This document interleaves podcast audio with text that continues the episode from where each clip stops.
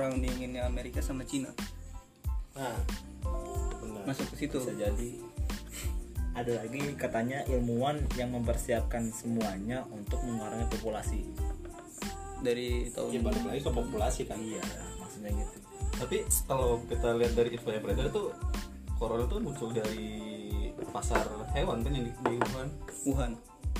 Pasar daging. Tapi ada yang bilang tapi bener nggak sih itu corona tuh dari hewan? Nah itu juga sih. Enggak katanya mah dari ilmuwan yang buat suatu virus disuntikan ke hewan. Tapi bener dari hewan berarti ya? Tapi emang bener dari hewannya gitu. Tapi ada yang bilang kalau corona itu kebocoran gitu, kebocoran lab kimia yang ada di Wuhan. Kalau emang emang kalau logikanya sih setahu gua kalau emang benar-benar dari hewan apa kabar dengan zaman dulu yang orang-orang kayak misalkan di suku-suku pedalaman yang sering makan hewan-hewan? Iya. Ya kan? mohon maaf, maaf maaf nih di daerah sana kan ada yang makan kelawar ya kan? Yang digosongin itu tuh tikus. Pernah lihat kan? Aku pernah lihat di salah satu stasiun stasiun tapi yang gua tahu kalau misalkan dari hewan tuh kayak bola emang dia hampir nggak beda jauh kayak corona. Bola? penularannya hah? bola. Oh, bola ya, ya. ya itu dia kan ininya dari hewan juga kelelawar. Ya. Gitu. kalau buat eh, ciri-cirinya ya nggak beda jauh demam juga flu iya sesak napas iya cuma kalau Ebola lewat cairan juga keringat bisa Tapi corona kalau keringat enggak kan? Enggak. kalau corona lebih ke objeknya droplet liur Ciuman nggak boleh berarti? Hah? ya lu muncrat ngomong aja Nah, iya. benar. nggak bisa Nah itu tuh berarti berdampak sih ya ke semuanya segala hal tuh. perekonomian terus kalau kata lu ke politik ngaruh nggak? ngaruh lah politik ngaruh banget sih Ngaruh. ngaruh banget salah satunya kan eh, dari jalannya pemerintah aja langsung tersendat juga tapi yang yang lebih gue heran tuh perkembangan apa ya perkembangan koran di Indonesia ini yang paling bingung yang awalnya bercandaan tiba-tiba beneran gitu loh kayak bercandanya Dan wakil presiden Gua rasa sih yang masuk ke Depok itu yang dua orang itu lebih dari itu. itu kan dijemput dari luar negeri kan Ya orang lu ngomongin jemput. kayak dong ya maaf sih. Intermezzo tapi kan ada yang bilang kalau kasus pertama tuh ada di Bali bukan dari Depok Karena Ba- Bali yang mayoritas asing. Nah, kan yang dari Bali tuh orang warga negara Jepang bukan sih yang kena duluan? iya Yang tiba-tiba yang dari Bali terus terbang ke ke Jepang, tiba-tiba waktu sampai Jepang dideteksi dia terkena dari Bali gitu. Iya. maybe dia terbang dari Bali ke Jepang Di- sampai Jepang dia terdeteksi kena bisa Bukan jadi pas selama perjalanan Jadi kalau Tapi emang gini loh, gue yang ditanyakan itu apakah corona itu langsung truk nular gitu apa gimana? Ya balik lagi droplet liur yang namanya liur liur nggak si kelihatan orang Jepang itu ini ya. ditambah lagi iya di jadi pesawat itu kan AC segala macam AC anginnya muter bos iya Gak ada asal. Takutnya gue bersim. bersin dong. Iya, bersin. bensin lo bilang bensin Orang Indonesia cowok gitu. tapi coba kita ngomongin skala internasional dulu Oke, yang oke. tadi ya. Berarti sebelum menjuru, menjuru ke iya nasional. menjuru- menjuru ke nasional gue pengen ngomongin yang internasional. Gue tuh pernah baca tulisannya Buya Hamka apa siapa ya kalau nggak salah. Di website. Jadi di eh, ketika Amerika nuduh Cina adalah peserta utama ah peserta utama eh, pelaku. pelaku utama dari corona mereka mengakui orang pertama yang kena itu memang orang Cina. Mereka mengakui itu tapi mereka tidak mengakui kalau si corona ini dari Cina. Paham nggak? Ya. mereka mengakui orang pertama yang kena corona di dunia itu orang Cina. Tapi mereka tidak mengakui kalau corona itu dari Cina. Terus dibalikin kan. Mereka balik nuduh AS lagi. Nah, mereka ngaitin sama pekan militer internasional 2019 September. Ya. itu diadain kan di Cina ya kan? Terus Amerika ngirim 11 orang militer ke Cina ada satu militer yang main ke pasar Wuhan. Dalam kondisi sakit. Ya, di situ dia interaksi sama orang-orang Wuhan kan. Tep. mungkin dari situ kalau konspirasi Cina ke Amerika gitu kan. Dibalikin dah tuh. Terus ketika AS nuduh lagi nih kan ada lab yang bocor nah lab virus di Cina di Wuhan. Akhirnya para peneliti dunia sana neliti. Memang ada kan lab yang kayak nampung kotoran kelelawar di Cina tapi di, eh, setelah diteliti corona itu bukan dari kotoran kelelawar bukan dari hewan. Itu yang gue baca. Terus dampaknya ke dunia yang gue lihat produk Cina produk teknologi Cina yang Huawei ngalahin iPhone di Amerika.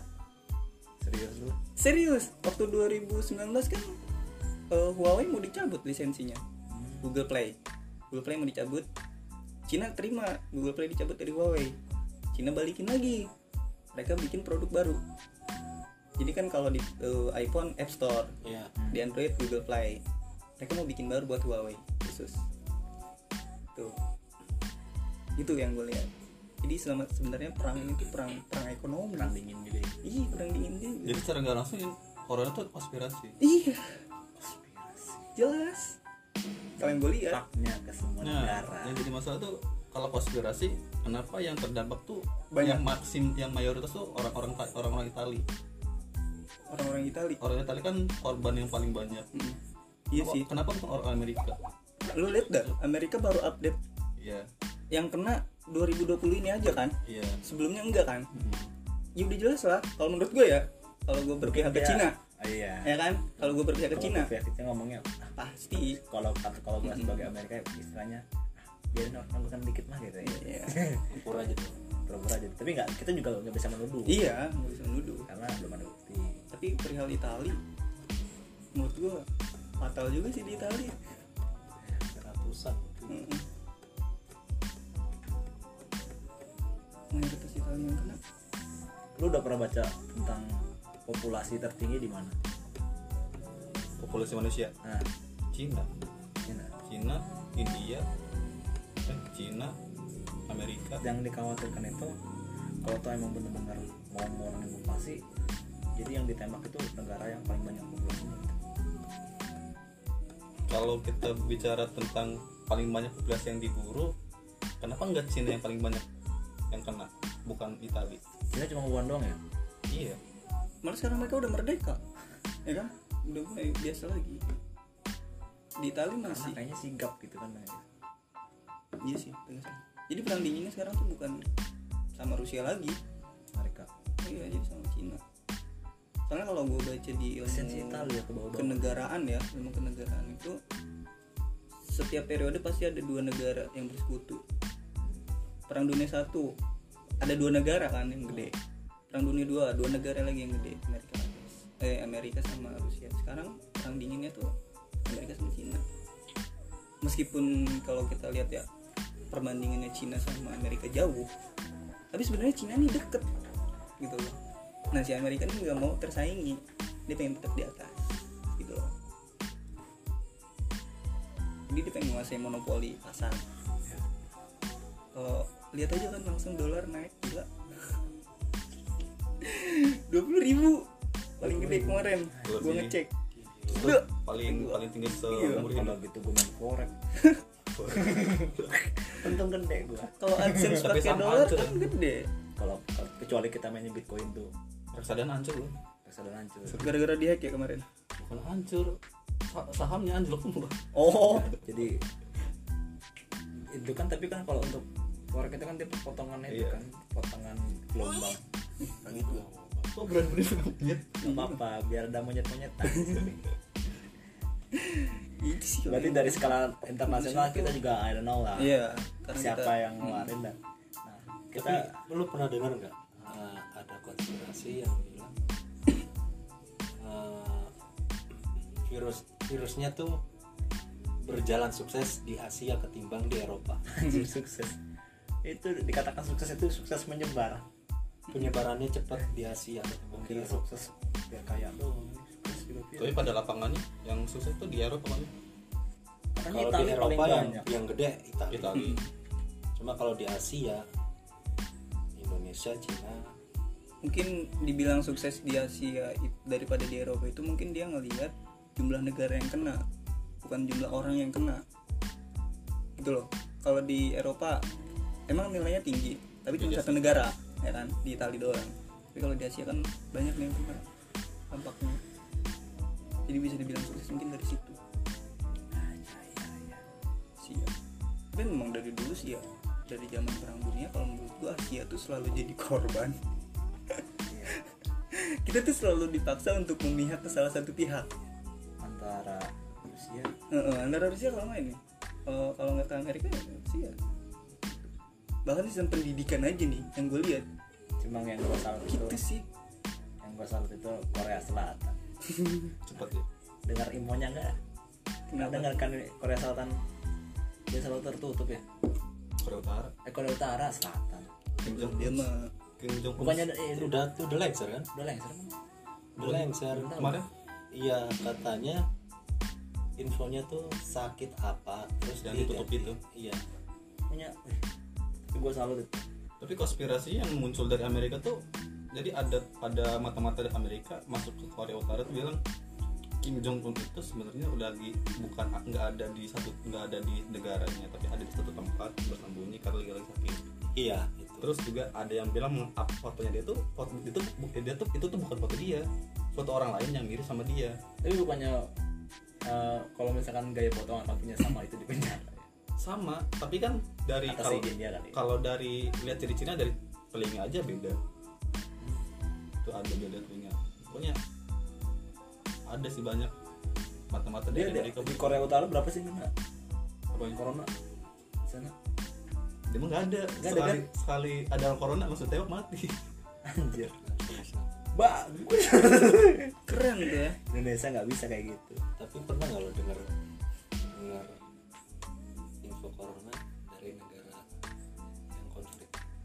misal Suriah Israel.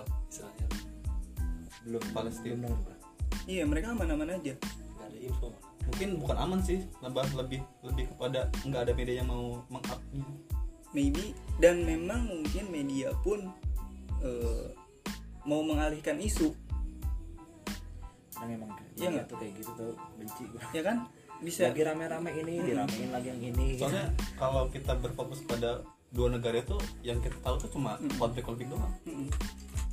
Dan media tuh mau meng-up meng-up dua negara itu karena akibat akibat dua konflik itu kekuasaan. Makanya ketika ada berita saat corona Israel sama Palestina damai itu negara-negara lain tuh nggak nggak setuju. Nggak indah gitu ya dunia kalau perang ya kalau udah ada mah ya udah kita harus sudah siap-siap dong. Iya. Lu udah siap? di, di Al-Quran udah tertulis. Gue belum siap soalnya bang. Janganlah jangan makanya nggak indah kata gue juga. Gue nggak perang. Masih kurang gitu ya. Tapi kalau perang kasihan kata gue Palestina tuh nggak boleh nggak cuma boleh kan kalau ketentuan perang itu masyarakat sipil itu nggak boleh dilibatkan iya kan? iya boleh dilibatkan memang itu melibatkan masyarakat sipil. Itu aja yang yang menurut gua agak gimana gitu sekarang kan udah di, Sementara- udah diblokade meski sementara kan udah terdaftar di PBB baru baru terdaftar di PBB kan Siapa? Palestina itu. Baru, sebelum sebelumnya belum kan sebelumnya itu kan belum. Nah perlindungannya. Ya kasihannya masyarakat masyarakat sipil. Oke kita masuk ke dalam negeri. Dan nanti penyebaran itu gimana sih? Kalau corona itu penyebaran secara misalkan kalau di pesawat misalkan dari helikopter terus gimana sih orang-orang bisa nih sebanyak korban sebanyak itu di apa sih di itu gimana sih penyebarannya? Misalkan gini. Katanya sih katanya. Ini bukan bukan ahlinya ahli. Kayak misalkan gue ber eh ting bating jangan gue ada contohnya. Apa ada orang kena ya terjangkit gitu ya. Dia bersin atau betul gitu kan. Ini tangan nih bandel. Megang apa? Selepet selepet Pet. ke mana-mana. orang ngumpul pun nempel di tembok soge. Nih. orang ngumpul pun nye- nyeleper nyelepernya ke tembok. Itu kan yang nggak jauh lah gitu kan. Mungkin gitu. Orang misalkan buka gegang pintu aja kan terus yang nggak ini ya lu bisa ngitung nggak berapa kali tangan lu nyentuh mulut atau hidung? Enggak. Sering banget. Ya kan? Nggak sih, gitu. Terus ya gitu lah, pokoknya dia masuk. Terus katanya yang bikin susah napasnya itu dia kayak dahak tapi kental banget. Kental kayak papeda. Kalau lu pernah lihat videonya nggak? bentukannya. Teman gua kemarin nge-share dokter tuh narik ini dahak narik dahak. Kental banget. Oh yang itu yang dari yang di luar iya. Gitu. tapi kan kalau di dari apa sih dari WHO itu kan umur umur corona itu beda di setiap benda di setiap apa. Jadi ada umur umurnya karena kan katanya dia 14 hari tuh mati kan. Kalau kan 12 jam pun bisa mati. Kalau kena langsung sinar matahari. Di Nah. objek pun cuma beberapa jam. Iya. Gue gue pengen nanya nih ya. Sekarang kita sering lihat yang namanya penyemprotan Disinfektan. ya kan? hanya di luar rumah. Yang sudah jelas-jelas terkena sinar matahari. Mm. Ya, gimana menurut lu pada ya kan ngapain disemprot kalau di luar rumah? Kalau isti- istilahnya orang bodoh nih ya. Apa? Ist- istilahnya orang bodoh itu kan hanya orang bodoh gitu kan. Faedahnya apa gitu kan. ngapain sih orang ke- orang kena katanya sudah kena sinar matahari mati corona ngapain disemprot di luar? Kecuali yang disemprot gagang pintu yang tertutup oleh sinar matahari. Oh, yang tertutup oleh sinar yang tidak terkena sinar matahari. Misalkan pintu rumah gagang rumah atau semprot nggak apa-apa. Ini jalan-jalan di jalan.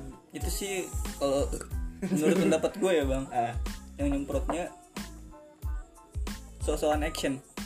Maksudnya sosokan action tapi nggak tahu nggak punya bekal.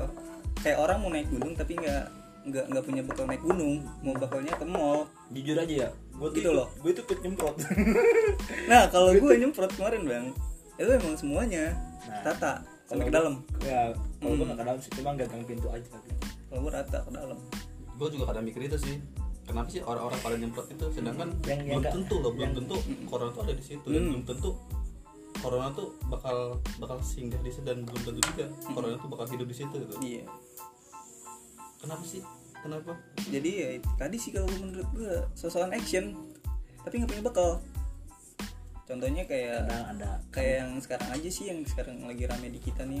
Tutup portal jam sekian gitu kan. Nggak Tuh, boleh ada ini nggak boleh ada dia. itu.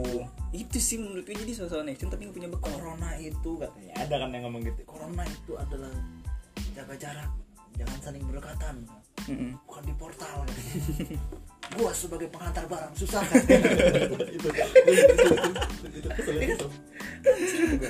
Ini lo orang pengantar barang apa? Apa katanya marah-marah sama gua. Sama RT lah. Itu tadi kalau menurut gue gitu sih. Terus dari negara kitanya tuh simpang siur. Iya. simpang siurnya infonya tuh harusnya kita gimana? Nggak ada tuh sementara itu yang BMKG ya yang seringin ngasih info itu ya?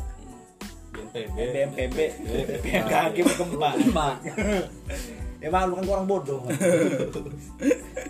Gue cuma denger dia cuma nyebutin eh, yang kena aja kan gitu ya. Sem- menghimbau doang. Himbauan. Nggak, jadi sebenarnya sih yang jadi kata gue tuh definisi social dan physical distancing itu apa sih sebenarnya? Jadi dia banyak, tuh- banyak orang tuh yang bilang social "Oh, ya, distancing distancing, social distancing sampai portal portal ditutup jam 10 malam. Gitu loh. Jadi gini bang kalau yang gue tak gue tahu ya social distance tuh kayak misal kita jaga jarak sama orang. Bukan social distancing itu bukan itu physical distancing. Iya maksud gue physical distance ya fisika kan berarti kan kontak fisik Kontak kontak fisik. kontak fisik. Fisik. jadi kita nggak boleh kontak secara kalau sosial social distancing Kalau social itu distancing, perkumpulan. Heeh, nggak boleh nah kumpulan kalau gitu gue setuju. Bubarkan yang perkumpulan perkumpulan yang ada. Misalkan kayak di pos ronda anak-anak muda tuh Iya aja mereka ngumpul karena kondisi imun mereka kuat. Ya. mereka balik ke rumah orang tua tuanya. iya betul. Tapi itu. Gue setuju cuman itu portal Iya itu kenapa portal bisa bisa ditutup? ya, kalau misalkan jaga keamanan is oke lah nggak apa-apa berarti kita positive thinking portal itu untuk keamanan iya Oke, masuk masuk akal. Masuk. Tapi cuman kenapa nggak dari dulu iya itu pertanyaan lagi. kenapa baru sekarang sekarang Iya. Terus apakah kalau malam corona itu datang ataukah pas yang nggak datang? oh gini si corona itu. Mati kalau kena sinar matahari. Dia datangnya malam. Hanya pada di portal malam-malam. Lagi. Apa kayak gini loh? Apakah corona itu bentuknya seperti mobil? Ya kan. sampai sampainya portal dibuka eh portal ditutup. Besok ada yang berbentuk mobil. Corona. Iya ada. Corona. Iya. Corona. Oh, iya. Wah, mau apa lu kan mungkin bro. Ini gue mah ih gue gue gue dari tadi kebela siapa sih? Kan bisa eh. Tadi nyalain pemerintah sekarang Kan bisa nyalain aja. pemerintah gue kan bisa aja ya. Malam juga ada orang yang dari luar daerah Nah. loncat pagar loncat portal. Itu juga kan berarti portal tuh nggak ada fungsinya dong kalau malam. Dan bukan nggak melindungi dari corona juga hanya formalitas doang mungkin coronanya itu dari kunci teh. Maling sama linggis. Maling. Buat bobol motor sama mobil. Iya sih itu sih yang jadi konspirasi lagi nih yang kata banyak tahanan dibebasin. Nah. Itu ternyata ya gue dapet info dari kakak gue yang sering ngirim barang ke daerah Bogor. Itu ada kasus polisi yang dimatiin begal segala macam. Jadi kayak balas dendam ke Tapi- polisi. tapi kan kita nggak bisa langsung mendes mendeskripsikan Mm-mm. satu itu tahanan yang satu baru tahanan lepas. yang keluar loh. Mm-mm. siapa tahu aja. Siapa aja yang calon-calon baru. Ospek dulu ya? Magang Magang. bunuh dulu tuh, bunuh bunuh katanya. Kalau udah berhasil bunuh lulus kau katanya. Dibegal katanya. Aduh. Jadi ceritanya ya, lagi pula di penjara itu ketat. Toh nggak ada kan kita ngedengar polisi yang kena corona jangan polisinya deh polisi otomatis ya dia keluar masuk. Heeh. tahanannya aja iya tahanannya aja.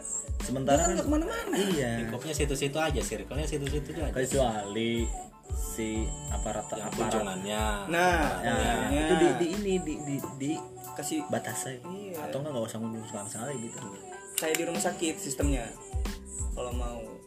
Jadi nggak boleh dibesuk gitu nggak boleh ditengok Nah, satu lagi. sih ya kata gue tadi udah ngomong sama Radikal sebenarnya pas balik lagi ke masyarakat sih.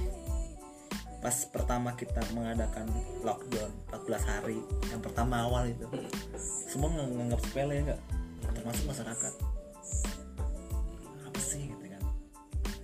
Ya itu kan yang pertama kan menghindari social distancing sama uh, physical distancing. Tapi masih ada aja yang rapat ke gedung nah. pas lagi apel kena gitu kan salah satunya ya bupati ya, satu kota. ah ya salah satu kota itu ada yang kena bupatinya kan. Karena ada per- pertemuan. Cuma emang benar-benar gua gua lebih ngeri ngeri dari flu burung kan. Zaman dulu flu burung kan kita Iya, juga flu harus pakai masker ya kan dulu kan. Itu lebih ngeri. Tiba-tiba orang jatuh bak gitu kan. Ah, batuk gitu ah gitu. Ah, gitu. selak gitu Ah, tapi kadang bikin orang salah paham juga sih orang jatuh tepar kan belum tentu corona. Nah iya. ada juga yang ayah gua kasihannya yang epilepsi kan? Ya lu pernah denger nggak Cikande Permai itu yang orang diusir dari klinik sama dari kampungnya itu? Gara-gara? Dia tuh eh, sesak napas lagi hamil. Dikasih surat rujukan dari klinik salah satu klinik itu Cikande dia tuh orang Cikande Permai RW 9 teman ngaji gua dulu. Cewek si Indah no, eh, keceplosan gua. Ya kita samarkan aja. Iya, namanya itulah. ya. Udah gue sebutin tadi. Nah, sampai dia kan pertama tinggal di tempat suaminya di kampung di sana. Suatu kampung. Inisialnya daerah Jawilan itu bukan inisial bang iya iya. Iya di sana di kampungnya diusir. Karena dia katanya ada yang ngomong katanya di ini sesak napas di klinik disuruh dirujuk ke rumah sakit. Baru ngomong begitu ditolak di kampung. Itu yang salah. Langsung pulanglah ke rumahnya yang di Cikande Permai. Ada berita waktu di grup WA gue itu dengar katanya ada masyarakat Cikande Permai yang Kena kabur. Oh yang gua nanya. Ah Itu. itu, ya kan? Ah, ah, nah, iya. sebenarnya itu nggak dia negatif nggak positif. Masalahnya gini loh. Harusnya ya gua bukan juga masyarakat ya. Lu mau digebukin sama masyarakat bukan, bukan masyarakat masyarakat juga dari dari pihak pasien. medis pun kan nggak bisa langsung "Wah, ini corona ini, ini." ditanyain dulu dong. Ya.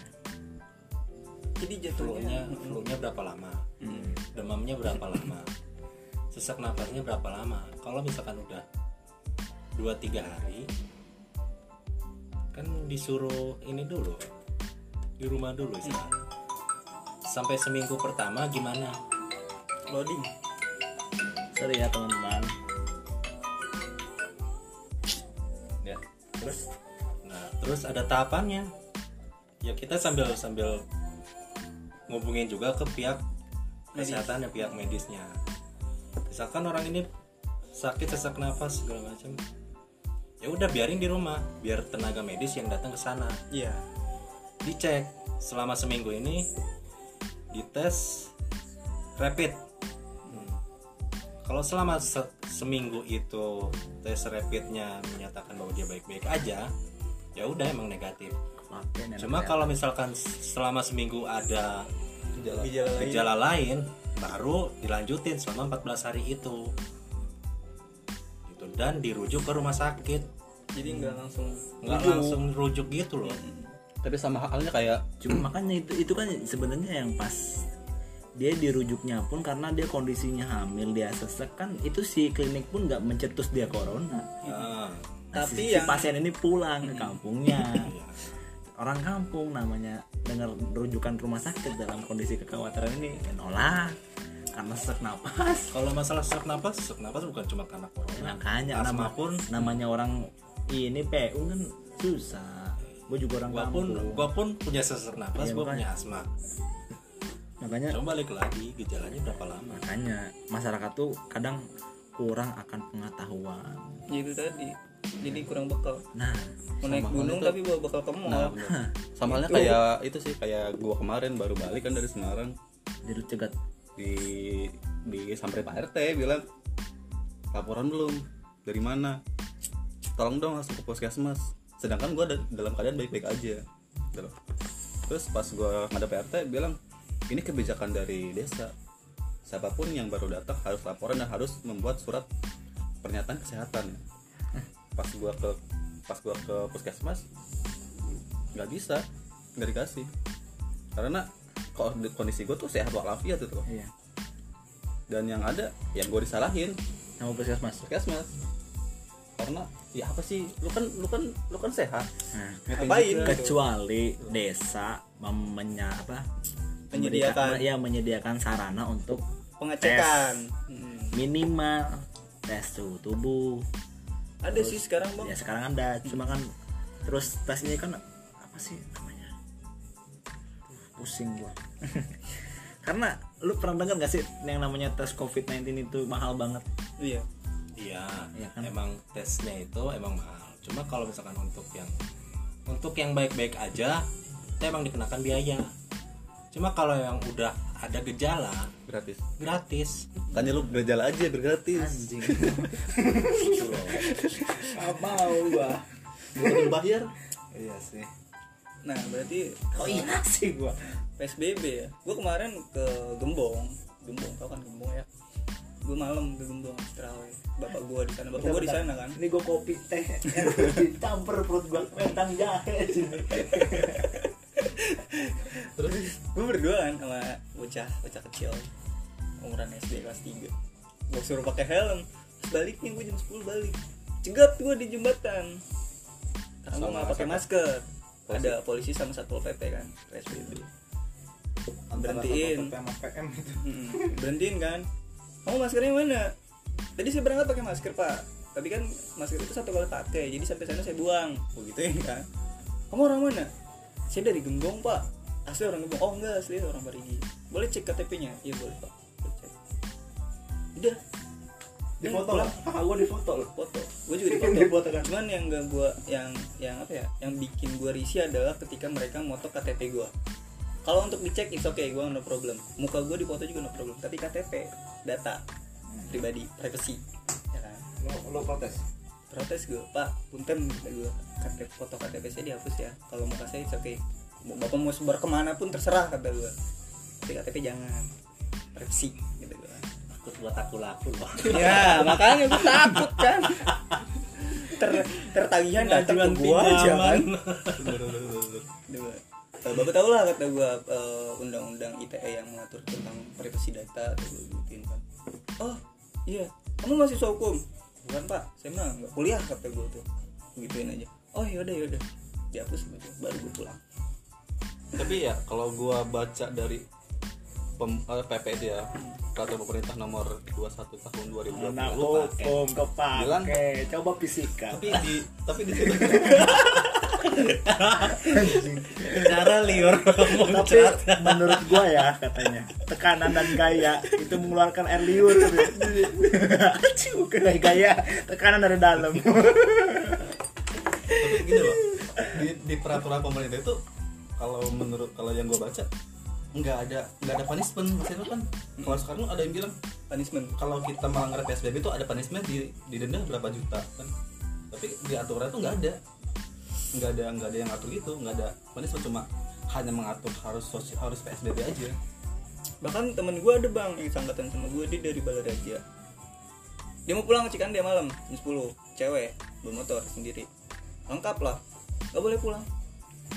Nginep di sana? Iya nginep di sana. Wih, menang banyak dia subuh baru bisa pulang terus itu nggak boleh sih kalau yang Biar kalau- apa gitu tuh nginep tuh? nah makanya gue mikir di sana yang nggak boleh pulang otomatis ngumpul. Gua waktu itu ke Iya Baraja nggak? waktu itu nganterin pura-pura gua. Pulang yang, yang jadi pertanyaan itu tuh kenapa sih psbb disalahgunakan gitu? nah.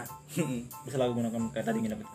Enggak Wah, apa ya? aturan aturan yang di aturan yang di pertanyaan gua bahaya ya? aturan aturan yang di apa ya disebut ke pemerintah tiba-tiba ke bawahnya tuh nggak nggak sinkron gitu loh. Nggak satu nggak satu suara. Itu kan udah dari dulu bang begitu. Gitu. tahu kali dari dulu pemerintah kita kan selalu seperti itu. Misal contoh kecil anggaran yang dari pusat Oh, turun anggaran 20 potong kepotong kepotong sampai ke tangan rakyat kan paling 100 berapa gitu kan. Itu sih kalau menurut gua jadi susah kalau di Lo pernah dengar nggak yang namanya tradisi itu susah dirubah? Ya itu mungkin tradisi negara kita. udah jadi tradisi sih. tapi yang paling bikin gue heran Soalnya ya gue orang bodoh. kalau dari sisi politik ketika corona ini udah mulai pertengahan ya pertengahan udah sekitar 8 ribuan pemerintah tuh bukan ngerapatin gimana caranya corona ini hilang tapi malah lanjutin rapat yang kemarin di demo rapat yang kemarin omnibus law Oh ya. itu kan dilanjutin Kesempatan anjir. iya kan kata gue wow Ketika bis- keluarnya undang-undang amazing. PSBB, orang lain nggak bisa. Eh, PSBB di dalam undang-undangnya ada? PSBB itu bukan undang-undang sih peraturan pemerintah Peraturan pemerintah ya. di bawah undang-undang Tapi dia peraturannya itu kan ada hukum pidananya kan? nggak ada Nggak ada. Berarti ada hukumannya apa? nggak ada punishment himbauan Sama himbauan doang. hanya himbauan jadi PP itu himbauan PSBB Berarti orang bisa melanggar dong. bisa bisa makanya gue bingung Nggak diapa-apain. nggak ada ketika ketika kita kan bilang orang yang dari Belaja nggak boleh ke Serang orang Serang nggak boleh ke Belaja ketika udah malam itu nggak ada aturannya. Berarti percuma dong. harusnya sih dibolehin dengan satu catatan minimal dia sehat. Iya. Minimal dia sehat dulu tanpa ada gejala. Karena kalau udah nggak ada gejala ya udah. Semua udah selesai Berarti tapi harusnya juga kan di setiap checkpoint itu ada dong. Ada. Nah tapi yang gue anehin kemarin tuh ada bang posnya di situ. Nah, ada tim medisnya juga ada gue di Serang dua. Gue tadi tapi nggak diperiksa berangkat kena pulang loh. kena. Gua cuman diperiksa ya itu tadi KTP masker udah nah jadi pertanyaan gue tuh Itu doang. apakah corona itu bakal ngeliatin hmm dia data ya kan enggak kan mungkin dia gini gua bukan positif thinking iya positive thinking oke positif yang lain Oke. kaget gua soalnya bentar lagi mau nikah misalnya wow Amin. sabar amin emang nggak mau nikah? Mau dong. Kan orang kan biasanya sekarang kan udah ada yang namanya zona per zona gitu loh zona merah zona Iya. hijau ya kan? Takutnya orang yang datang ini berasal dari zona merah. Tapi sebelum plat gua kan A nggak gini loh sebelum lu beli motor di Bandung nggak bisa sebelum lu. bilang zona merah atau zona hijau zona biru zona ungu itu kan kita sebelumnya kan dicek dulu. Iya. Ketika dari cek KTP-nya itu menunjukkan kalau itu nggak zona merah harusnya kan bisa lolos aja dong nggak harus minat-minat lagi dong. Iya sih. Temen gue nginep pulang juga enggak ini kecuali pulang KB aja gitu. kerjanya misalkan dia orang sini nih kerjanya di daerah Jakarta. Kayak ini ya kayak apa katanya mudik nggak boleh pulang kampung boleh. Saya nggak mudik pak. Saya pulang kampung. Anjir, Nah. tembak. Itu PSBB sih. Terus juga terus juga yang yang jadi yang jadi permasalahan tuh kenapa sih pemerintah? Kenapa sih pemerintah mengeluarkan PP nomor sebentar 20? sebentar sebentar ini bahas pemerintah. Anda anak hukum. Saya dukung anda. Ayo lanjutkan pemerintah mengeluarkan PP PSBB. tentang PSBB sedangkan kita tuh udah punya loh undang-undang nomor 6 tahun 2018 itu kenapa? Apakah pemerintah nggak punya duit untuk me- fasilitasi. memfasilitasi masyarakatnya atau gimana? Ya kita kan banyak utang ya maka dari itulah. Apalagi emas naik. Iya. Wah nggak ratus ribu anggaran desa dipakai untuk tapi ngomong-ngomong soal anggaran nih pernah kebayang nggak? Suatu saat nih negara anggaran negara nih habis nih. Apa yang bakal terjadi? Jual pulau. Anggaran negara habis. Masih ada di Papua gini sana. yang gue salut dari negara kita tuh gini bang keren ngelawak gini. Kaget gue Gak bakalan ngerekam, itu suara doang, gak ada mukanya. Jadi yang gue salutin dari negara gitu tuh jadi di peraturan internasional ke negara internasional ya ada suatu peraturan yang mana suatu negara kalau mereka menetapkan negara mereka dalam suatu krisis atau di ibaratnya udah dalam keadaan kalau gunung sih waspada gitu ya udah mau meletus gitu ya itu mereka nggak boleh nolak bantuan. bantuan dalam hal apa pun everything. Jadi apa pun gak boleh ditolak dari negara lain.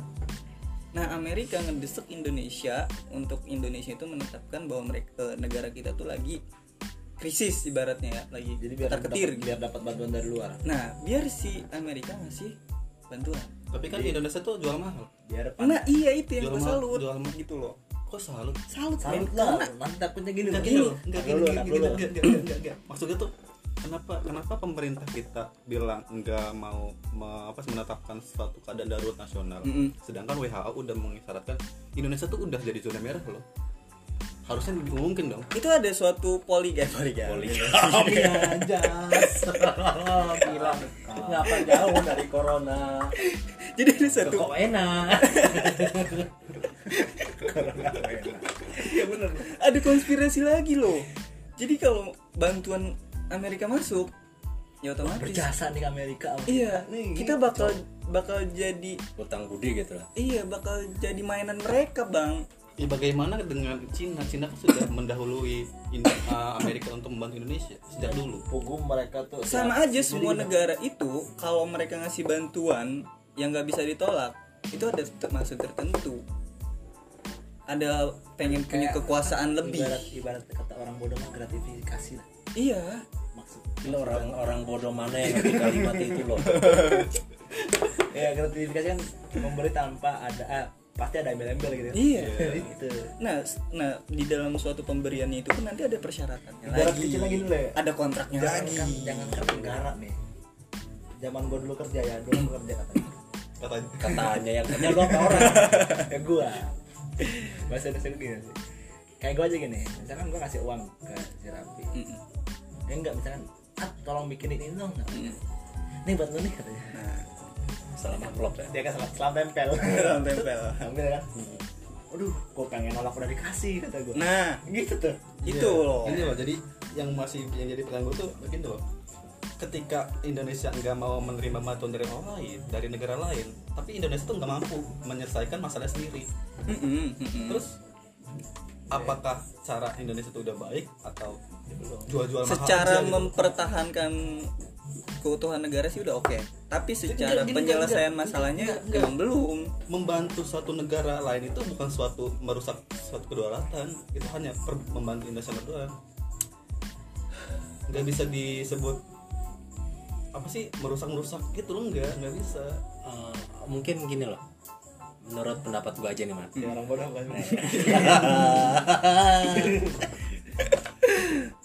karena Indonesia udah terlalu sering dapat bantuan dari Cina ditambah lagi utang kita ke China lebih besar. lebih besar. Kalau misalkan kita menerima bantuan dari AS iya. apakah otomatis Cina, gitu. ibaratnya kita mengkhianati Cina, yang Cina. udah membantu kita dari dulu gitu loh. ya mungkin sedangkan sedangkan AS sama Cina adalah satu. Ya Itu yang, yang apa ya yang ah, tambang di Papua pun namanya? Freeport. Freeport. Freeport. Masih Amerika kan diperpanjang 20 tahun lagi. Gila kata gua. Gue mau tapi kan sahamnya 5150 tetap aja. Beda satu persen. Indonesia punya 51 persen katanya. Itu kan katanya. Kita kan nggak tahu entah nggak tahu faktanya. Di pabrik Apakah 51 persen bisa melunasi utang negara? ya kan? Itu tuh, aduh kekayaan Indonesia itu sebenarnya sumpah. Nanti negara Apa punya dia masuk-masuk eh. punya apa Iya makanya. kita tuh sekarang punya apa sih buat dipamerin ke Oh, punya iya. ibu kota negara baru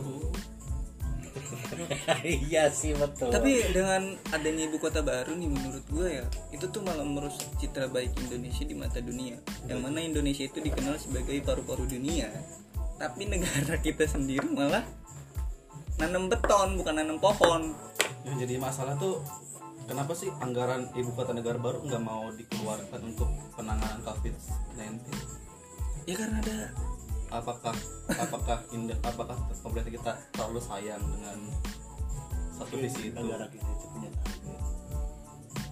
tapi kan kalau kita merujuk pada statementnya Pak Presiden kita bahwa dia beliau bilang nyawa lebih utama secara nggak langsung berarti uang tuh nggak ada apa-apanya dong iya Tuh. Harus di siapin buat ini. Atau mungkin pemerintah punya surprise. Maybe. Mau jatuhin airdrop.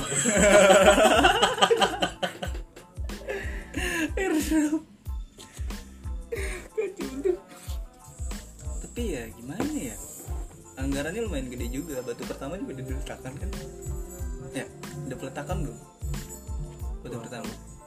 baru desain doang aja gue juga sempat pas ada wacana itu gue sempat bikin rencana juga gue mau nyari tanah di sana cuy biar pun nampaknya biar ada yang disawer ya gue habis pun gue bang karena Kenapa? Pantesan gua tiap sahur mana ini rapi katanya. gue kan udah seminggu apa dia? katanya? jadi gue seminggu tuh dikasih target Sama siapa?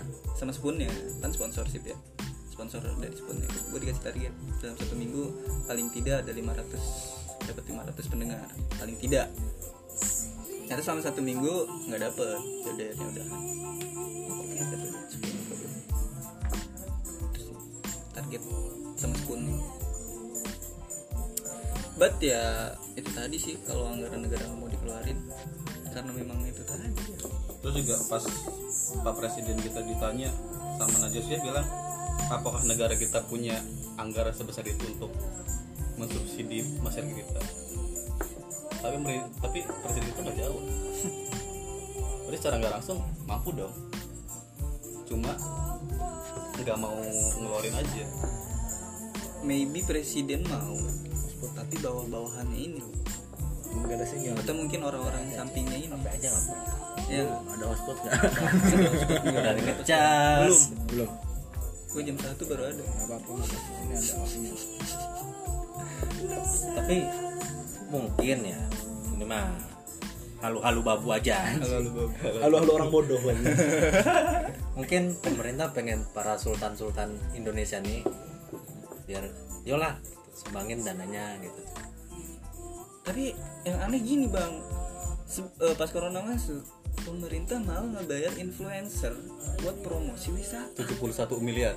Iya waktu gue oh gue masuk akal banget kenapa dana 71 miliar ini nggak dipakai buat nanganin ini? Tapi influencer itu sebelum corona masuk iya masih sebelum- wacana. Iya. Malah sebelum itu ada yang bilang corona Indonesia bebas dari corona karena rajin. Apa coba? Makan pecel. Minum susu jahe. Rajin rajin doa kuno katanya. Rajin makan toge. Ya Allah toge. Menyemurnya banyak loh Ya, jadi emang ke itu itulah yang membuat statement masyarakat. Ya, jadi aduh kata gue mah info-info yang nggak terlalu penting itu nggak usah di up. Ah itu. Soalnya banyak pengetahuan masyarakat yang kurang. Si minim.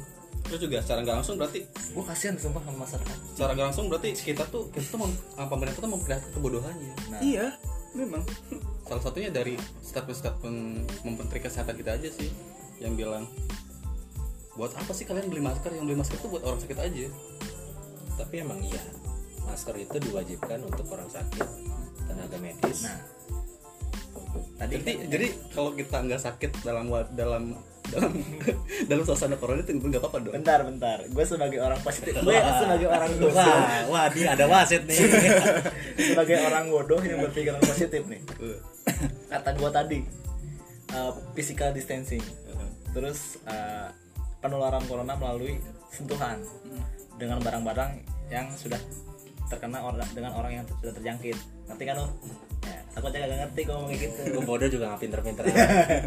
Emang sih kayak misalkan itu kan uh, uh, yang misalkan hidung bisa kehirup mulut bisa masuk. Masuk mana? Hmm, masuk mata lu enggak jadi masker itu mencegah ketika tangan ini yang sudah menyentuh apa pun. Kan kita juga kata gue gue tadi tanya lu berapa kali nyentuh tangan lu nyentuh mulut lu? Lu berapa kali tangan lu nyentuh hidung lu? Kan nggak tahu kan tanpa kita sadari nah ini sih masker ini bisa juga sebagai penghalang tangan untuk menyentuh mulut dan hidung yang bisa terpengaruh oleh corona Hmm. gitu. Jadi mungkin orang sehat pun eh, katanya sedia payung sebelum hujan mencegah lebih baik daripada mengobati. nah tapi kan sebelum itu menteri kita kan bilang ya buat apa sih pakai Masker. masker Nah. kan untuk orang sakit aja Itulah yang membuat 14 hari lockdown disepelekan. itu saat itu kan bilang eh, itu garan itu statement muncul ketika harga masker naik Iya. tapi ketika ada korban berjatuhan tiba-tiba pemerintah bilang kita diwajibkan pakai masker apabila tidak ada apabila nggak tahu ini benar apa enggak ada yang bilang apabila tidak mengindahkan suatu aturan ini didenda atau diapain di penjara di mana itu nggak tahu. Pokoknya kurang lebih gitu sih. cuma denda itu kan opsi terakhir. Ya. Pertama peringatan dulu kan. peringatan. Cuma kalau sekarang udah benar-benar apa ibaratnya ya bebel baru. Cuma ya balik lagi kalau masker itu diutamakan untuk yang sakit.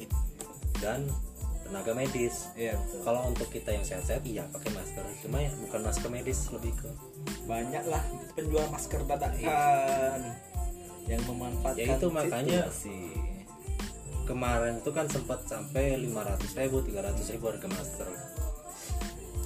Cuma begitu udah dapat himbauan ini mulai nih si penimbun nih pada bangkrut Ya, makanya tuman kata gue kan. Terus juga untuk data ya, untuk data korban-korban nanti ada, Ada yang yang, bilang sebuah konspirasi juga dari pemerintah bilangnya ini tuh data data palsu, data nggak valid. Jadi Malah- gue sempat mikir gitu sih Malah pemerintah mau nutup-nutupi gitu. Dia bilang gitu.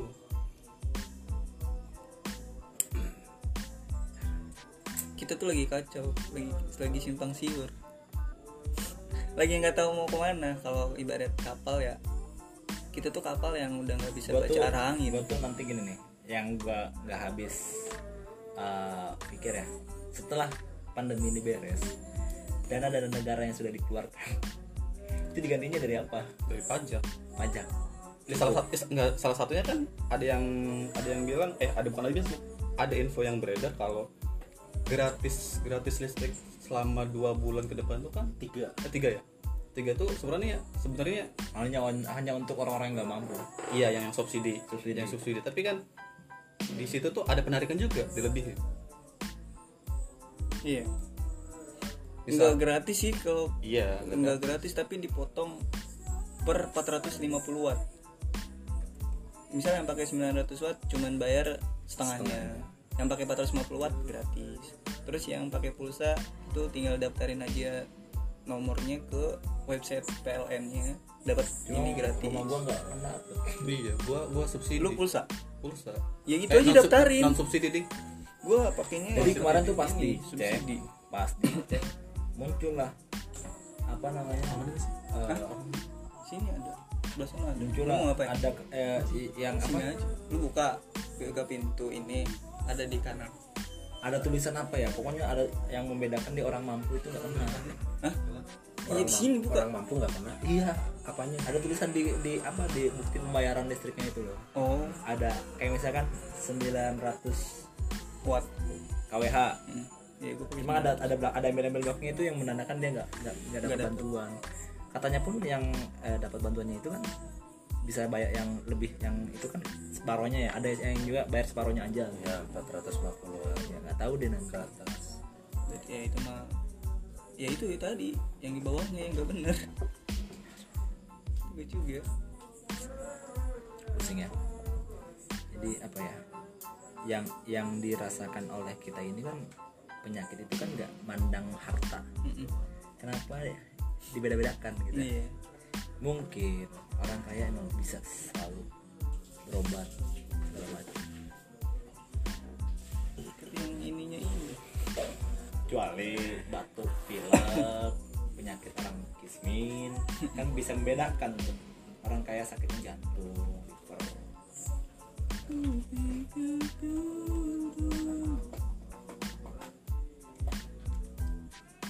liver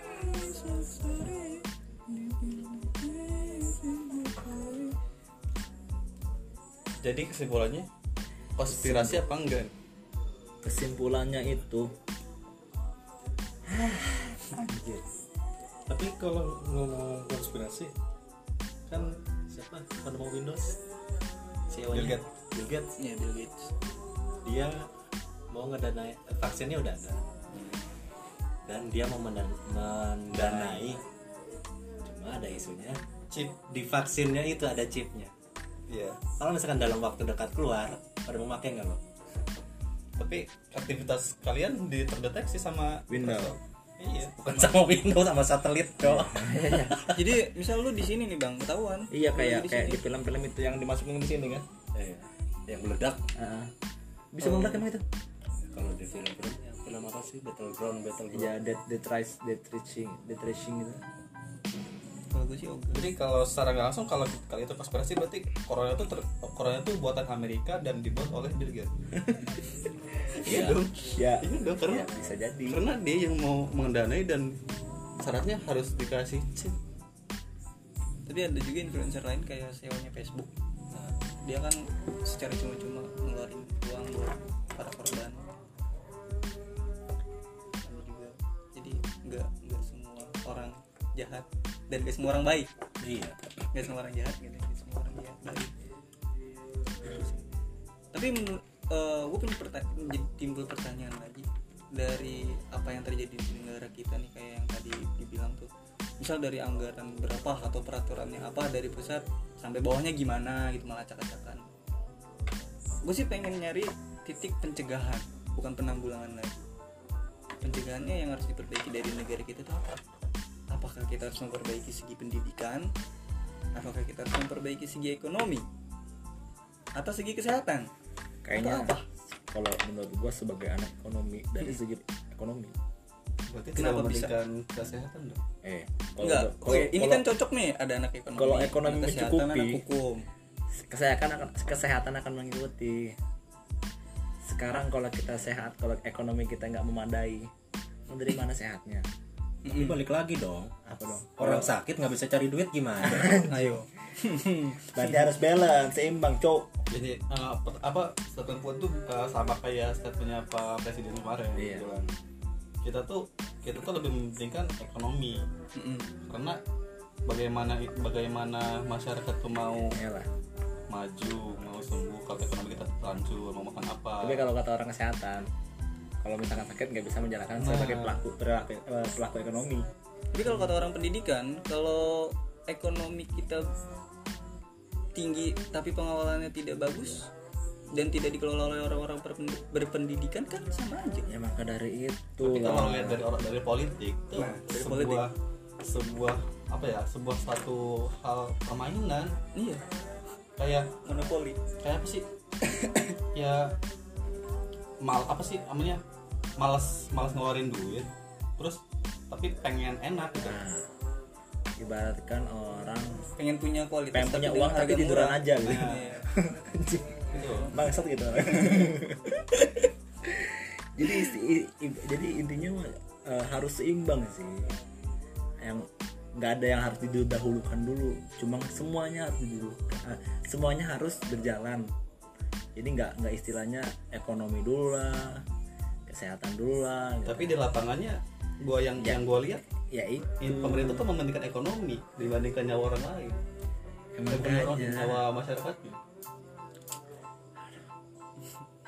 yang gue lihat ya pemerintah juga tuh sih kalau bukan kita yang menjalankan aja Iya. Yaudah kita nyalon aja ntar. gila orang bodoh nih pinter loh gue sih sebagai orang bodoh ya pengennya sih begitu.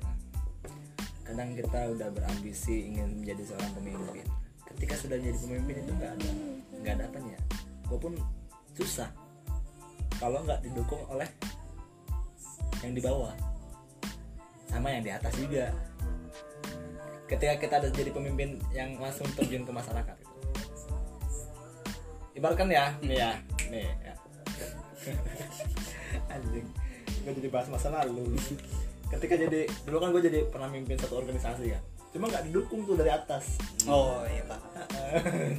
oh. Iya iya. Hmm, paham. Sebut saja. Paham. di- Sigit ya. Eh dia mendukung. Cuma dia mendukung. Untung nggak tahu gua. Dia mendukung. Cuman nggak ada cuma di sini. Dia mendukung tadi ada cuman pas awal lah. Salah paham. Cocok bang. Enggak enggak gitu emang emang emang eh, dan jangankan dari segi negara yang mayoritas pendudukannya kok pindah sih? Ini dulu loh ke sekolah dulu loh. Ya kan gua itu sebagai perantara cuy. Negara itu kan sebagai sebagai perantara. Jangankan siklus besar lah ya. Jangankan dalam siklus skala besar. gitu. Hmm. makro ya sih. Kata anak anak ekonomi makro. Makro. Secara mikronya aja. Secara mikronya aja sudah jelas-jelas apabila seorang pemimpin nggak dapat nggak support. ada support dari bawah. Dari segala dari bidang segala lah ya. bidang lah. Ja- atas bawah enak. Atas bawah enak. atas bawah nggak duduk mendukung. Susah buat jalan. Ya ibaratkan dia hanya menjalankan yang udah-udah gitu.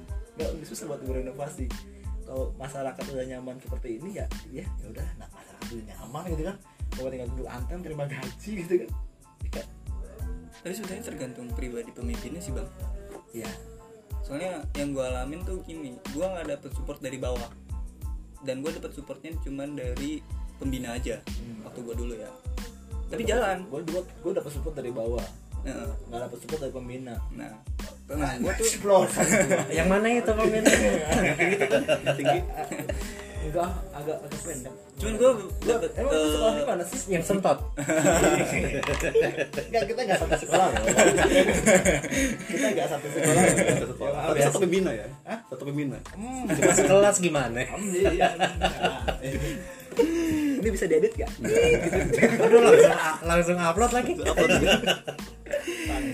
ya. lebih gue dapet konspirasinya dari atas atas juga sih. Jadi kayak misal gue bikin kayak contoh yang kemarin gue ceritain tuh gue bikin event ulang tahun sekolah yang dananya lumayan gitu kan. Terus setelah udahan gue banyak dapet tuduhan uang itu gue kantongin uang itu buat Kritikannya. buat anggota-anggota gue segala macem gitu kan. Banyak deh itu. Kayaknya dari zaman dulu. Hello, hello. Kita pun yang menghasilkan uang dari dana Telkomsel masih dipotong sama sekolah. saya mendapatkan 4 juta. Potong 50 persen dong. Saya menjual kartu Telkomsel. Ikut potongan juga. di sini tuh gue ngelola nggak pernah ngechat anda anda nggak pernah ngechat satu minggu ya? Setembok gue apa Sama ya? SMA satu negeri, negeri satu Cikande mendapatkan juara murah dan brand ambassador Telkomsel. Berapa sih? 4 juta setengah ya? potong. Nah, itu dananya sudah diserahkan ke ke pihak sekolah aduh. Aduh, kok sebut nama sih? Kalau itu Busri. eh, bisa aja upload. Semoga orang tua kita nggak main seperti itu. oke guys terima kasih. Aduh. Jadi gitu gue udahan udahan lah udahan udahan. Terima kasih guys untuk mendengarkan. Mungkin ada episode episode selanjutnya. Jadi itu sih pernah gue ceritain